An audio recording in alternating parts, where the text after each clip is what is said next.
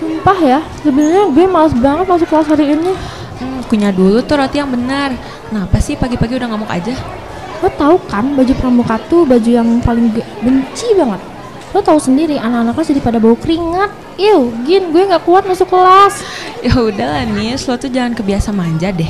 Gak apa-apa, nikmatin aja. Lama-lama juga lo kebiasa. Bapak lo kebiasa.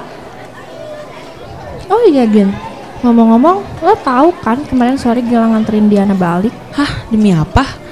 Kok dia nggak bilang ya? Eh bentar deh, lo jujur sama gue. Lo tahu kan kalau selama ini Gilang suka main di belakang lo? Ah, apaan sih? Jangan ngomong sembarangan, Denis. Lo serius gak tahu? Gini ya Gin, gue sahabat lo, and of course gue sayang sama lo.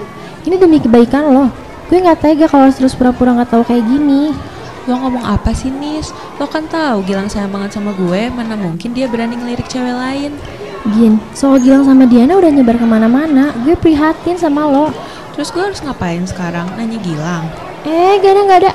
Udah, menurut gue lo gak usah ngomong satu kata pun ke Gilang. Karena gue rasa pernyataan ini udah lebih dari cukup kok buat jadi alasan kuat lo ninggalin dia.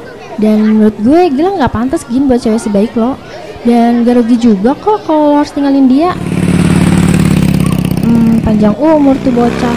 Ah gue masih proses mencerna omongan lo. Gue nggak mau ketemu Gilang. Lo masuk kelas duluan aja deh Nis. Gue mau ke toilet dulu. Eh Gina.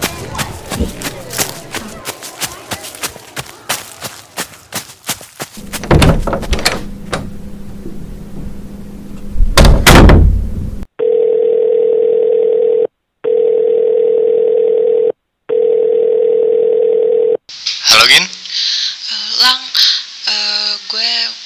mau putus.